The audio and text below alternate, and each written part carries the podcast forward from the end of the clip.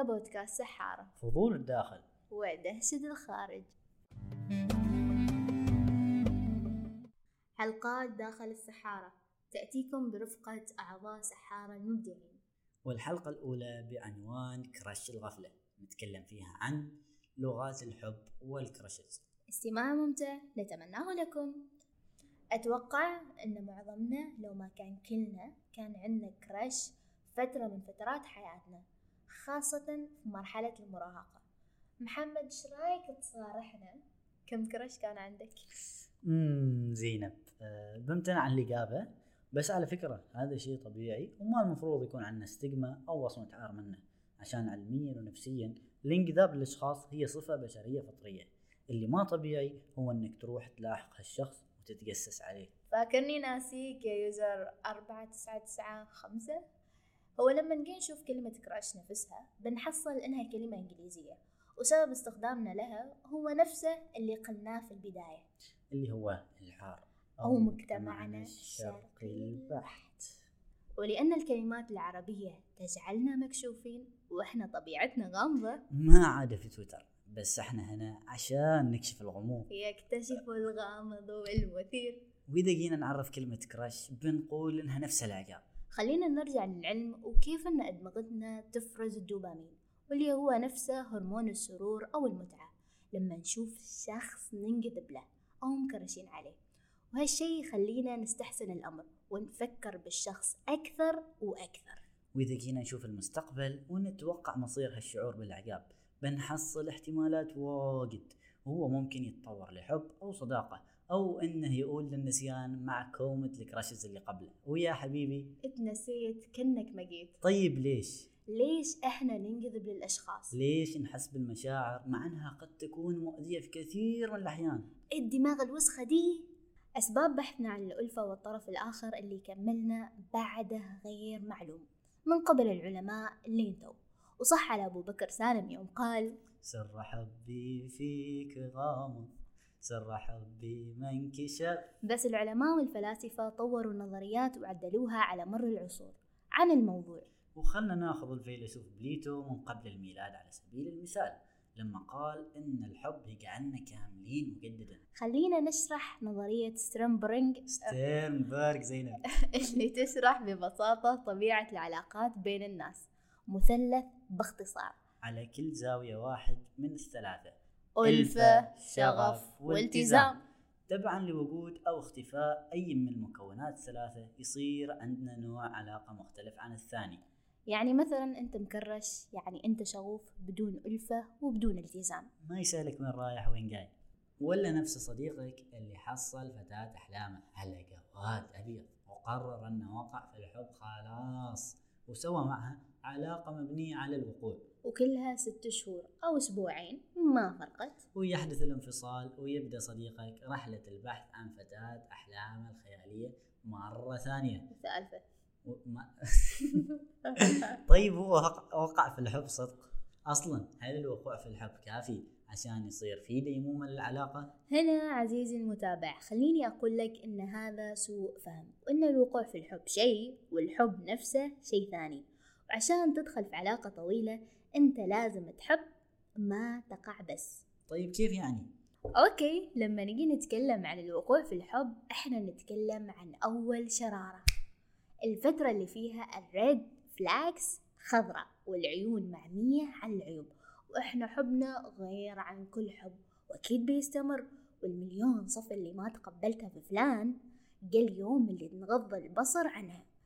يحسوا إن إحنا طول حياتنا بنظل واقعين كذا. هايمين في بعض. لين قالت عالمة اسمها دوروثي.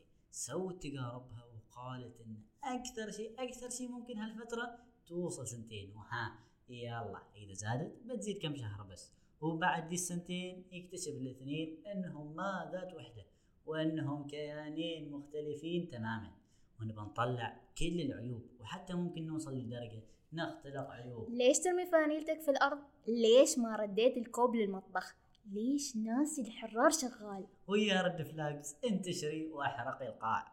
دورثي جالسة تسوي أبحاثها ويجي داخلها في الموضوع زميلها سكوت ويقولها والله الوقوع في الحب هذا ما حب حقيقي.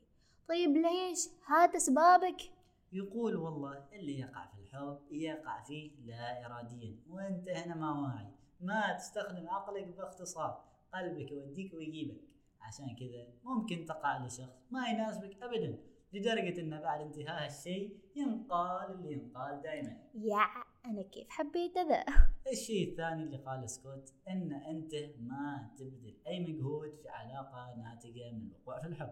وكل ذاك المغازل والهدايا أشياء فطرية مثل ما يسوي الطير عشه أنت جالس تقع بالفطره عزيزي المتابع. يعني حتى ذيك المكالمات اللي آخر الليل وانت تحس انك مبدع يوم تسوي طريقة مغازل جديدة هذا كله ما تبذل فيه جهد عاطفي. ويس أنت ما جالس تحب. ثالث شيء يقول لك إن أنت يوم تقع في الحب أنت ما بتساعد الطرف الثاني ينمو لأنه خير أنا أشوفك كامل. يعني أنت بتتطور لشيء أعلى من الكمال. أنت المفروض تنحط في متحف ونجي إحنا كلنا نتأملك. يا جمالك. إنزين هنا يجينا سؤال. إذا كان الوقوع في الحب ما يعتبر حب. زين مو يعتبر. يقول الدكتور سكوت إن هذا سلوك فطري ألفوي وإنك يوم تألف حد تسوي ذي التصرفات. يا إيش هالقرف ليش حبيته؟ هذه غالبا تكون ردة الفعل بعد ما تنتهي فترة الوقوع في الحب وتحليل الصفات والفروقات. في هالمرحلة ذي ينقسم طريق الواقع في الحب إلى اثنين. يا أنه يكمل حياة البؤس اللي دخلها. أو يا يلا ننفصل ونقرب مرة ثانية. هذا إذا كانت الفروقات تمس بإحدى الاثنين. بس تعال أقول لك إنه ممكن الوقوع في الحب يكون المدخل السحري إلى الحب. لما يجي الوقت اللي يختار فيه الشخص إنه أوه أنا تو أريد أبذل جهدي عشان هذا الشخص وأريد أسعى إنه يتطور وأحبه وإنه هو اللي أريد أشعر بالأمان العاطفي معه. وعشان نتطور ونقدر نستمر في علاقة الحب الرومانسية ذي وأي أو أي علاقة ثانية. وهنا مهم نعرف عن لغات الحب يا عزيزي المتابع. وأيوة هذه نظرية ثانية من النظريات اللي تختص بالعلاقات والحب. ويوم نجي نشوف مكوناتها بنحصلها تتكلم عن خمس لغات. يظهر فيها الشخص إنه يحب. تعال نبدأها بلغة الكلمات والإطراءات. يعني مو؟ يعني الطرف الثاني جالس يحس بعدم الأمان وانت تلقمه كلمات تشجيع مثل زينب أنت تقدري تكملي الحلقة أنت قدها. أنت أيضا يا عزيزي المتابع كمل الحلقة كملها. عشان توضح له إنه يقدر وعلى فكرة يدخل ضمن ذي اللغة إنك تساعده يجلس مع أشخاص فنانين في هذا المجال تدفه يسوي اللي يريده. نفس لما الأب يجلس مع ولده ويكتشف إنه عنده موهبة فلانية ويبدأ يدخله في دورات تدريبية وأنت فنان وتقدر تستطيع. صح لا؟ صحيح. بس الأهم في هذه اللغة إن ما يكون في ضغط. يعني فلان متين تبغاه يروح النادي. وهو ما عنده رغبة أصلا. هنا أنت تدخل ش... تدخل شيء اسمه الوعظ. شيء ما حد يحبه. وجالس تحسس الفرد الثاني بالذنب عشان اختياراتك. أنت ما هو.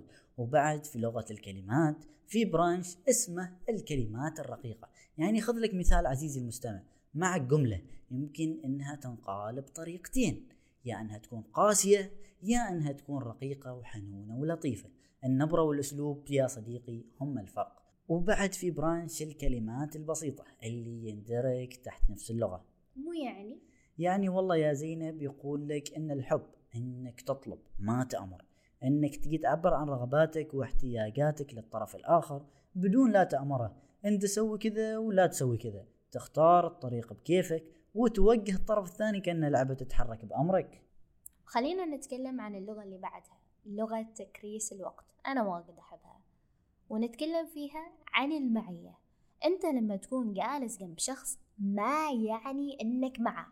ولما الأب يدحرج كرة لطفله وهو يشوف عليه غير عن لما يدحرجها وهو يتكلم في التليفون. باختصار الموضوع ما في الدحرجة كفعل. الموضوع في المشاعر اللي يولدها ذاك الفعل. ونجي بعدها في لغة تكريس الوقت لمفهوم الحوار العاطفي. زين يا زينب وإيش يعني حوار عاطفي؟ يعني إنكم تجلسوا أربعة تتبادلوا الخبرات والتجارب والأفكار. وهنا الطرف الثاني لازم يكون مستمع جيد. هي لما تجي تتكلم معاك انت لازم تفهمها. ما لازم تعطيها حل. في الغالب نحن البنات نعاني من ذا الموضوع بقوة. وفي مصطلح آخر في لغة تكريس الوقت اللي هو مصطلح الأنشطة الخاصة. وهنا أنت ما تهتم بماهية النشاط بقدر اهتمامك بليش أنت جالس تسوي. أنت ممكن ما تحب ركوب الخيل بس ممكن أنك تروح مع ولدك تركبوا خيل بس عشان تكون معه أنك تحبه. وتو خلونا نتكلم عن اللغة الثالثة. اللي هي لغة تبادل الهدايا. لغة عالمية مثل ما يقولوا لأنها موجودة عند كل الثقافات تقريبا. تهادوا تحابوا يا عزيزي المستمع. لما تهدي أنت تحب حتى لما تتزوج أنت تهدي في البداية. وبعد أن الهدية تعتبر رمز للتفكير. أنا شريت هدية لفلان يعني أنا فكرت فيه وبالتالي أنا أحبه واجد. حتى ما مهم يكون شيء غالي أو براق ولما يجي الطفل ويقطف وردة من الحديقة عشان يعطيها أمه هذا حب. آه البعض يهتم ترى لو كان غالي ومراق البعض ما الكل ال- الناس المادية فقط. وفي جملة حلوة تقول إن الهدايا هي دليل مرئي للحب. مثل خواتم الخطوبة ومثل لما أم تعلق رسمة ولدها في الجدار. وتذكر لما فلان قال لك إن أنا وجودي لنا نفلس محمد فيلم؟ كم مرة قلت أنت. صار ما ما قلتها واجد. لأن أنا س- نادر كذاب فلان كان صح وهذه اسمها هدية الذات. وحقيقي في أشخاص تكفيهم هدية الذات. ما لازم مليون وردة. وجودك وبس يكفيني. نجي على اللغة اللي قبل الأخيرة. لأن الحب أفعال. مثل لما يجي واحد ويبى يتزوج ربة منزل تطبخ له وتسوي له. أنا أتذكر أن أنت قايل تحب واحدة تطبخ لك يعني. يا رب تحصل واحدة ما تعرف تسوي غير إندومي. الله لا قال مثل لما أنت تطلع وتشيل الزبالة. مثل لما تقول لك الوالدة اللي يحبني ينظف غرفته. وكل ذا ليش؟ لأن لغة حبهم الأفعال. لأن أنت جالس تخفف عليهم الجهد والوقت. وهم يقدروا هالطريقة في إظهار الحب. وهنا نجي على آخر لغة اللي هي ال physical touch أو التلامس الجسدي. أنا ما أريد أتكلم في الموضوع. محمد تقدر تاخذ المايك. شكرا يا زينب. خلنا ناخذ الرضع كمثال هنا. يقول لك إن الرضيع اللي يكون ملموم ومحاط بأمه ينمو عقليا أكثر من الرضيع اللي يكون محطوط وحده. حتى إن أول شيء يستوي في صالة الولادة بعد ما ينقطعوا الحبل السري هو إنهم يحطوا الطفل على صدر أمه. لأن هالشيء يعزز الترابط بينهم. أنا واجد كنت أسمع نصايح من الحريم الكبار حال البنات الصغار إن اللي توهم والدات يعني إن لا تحطيه في ثبانش خليه في الأرض لما يصيح كذاك بيعذبش. صحيح يا زينب هذه العادة منتشرة عندنا انه أوه لا تعوديه على هذه الأشياء. كذا غلط أعطيه الحنان. وفكيه من ال trust issues وال traumas اللي ممكن تحصل من ذا الشيء. وكذا عن ال physical touch. وقيسه على باقي الحلقات. وكيف ممكن إن توصل حبك للطرف الآخر بالتلامس الجسدي. في كل وحدة حسب نوعها. وهذه هي نظرية لغات الحب. يا أقوى متابع أنت. كل واحد فينا يتكلم باللغة اللي يريد الناس تكلمه فيها. بس هل صح إن نكلم الناس باللغة اللي نحن اللي نحن نريد نستقبلها؟ ما اللغة اللي هم يريدوها؟ عامل الناس مثل ما تود أن تعامل. يا زينب حاب أقول ليش إن هذه الحكمة غلط؟ أنت لازم تسأل الناس والشخص اللي تتعامل معه كيف يريدك أنت تعامله يعني أنا لو طلبت لمبة أعطيني لمبة. لا تعطيني برتقال ولا تقول لي يا البرتقالة صيري لي لمبة. طبعا كانت معاكم المقدمة الرائعة المخضرمة.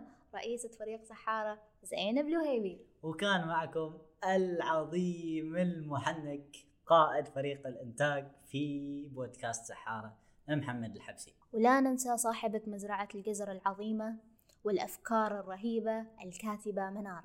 وشكر خاص للمشرف العظيم وأكبر دحاحة على مقرة درب التبانة على إشرافها حلقات داخل السحارة. حور الحضرمية. وشكرا لحسن استماعكم. وفي النهاية لا تنسوا ال like وال share وال subscribe. انشروا الحلقة في كل مكان.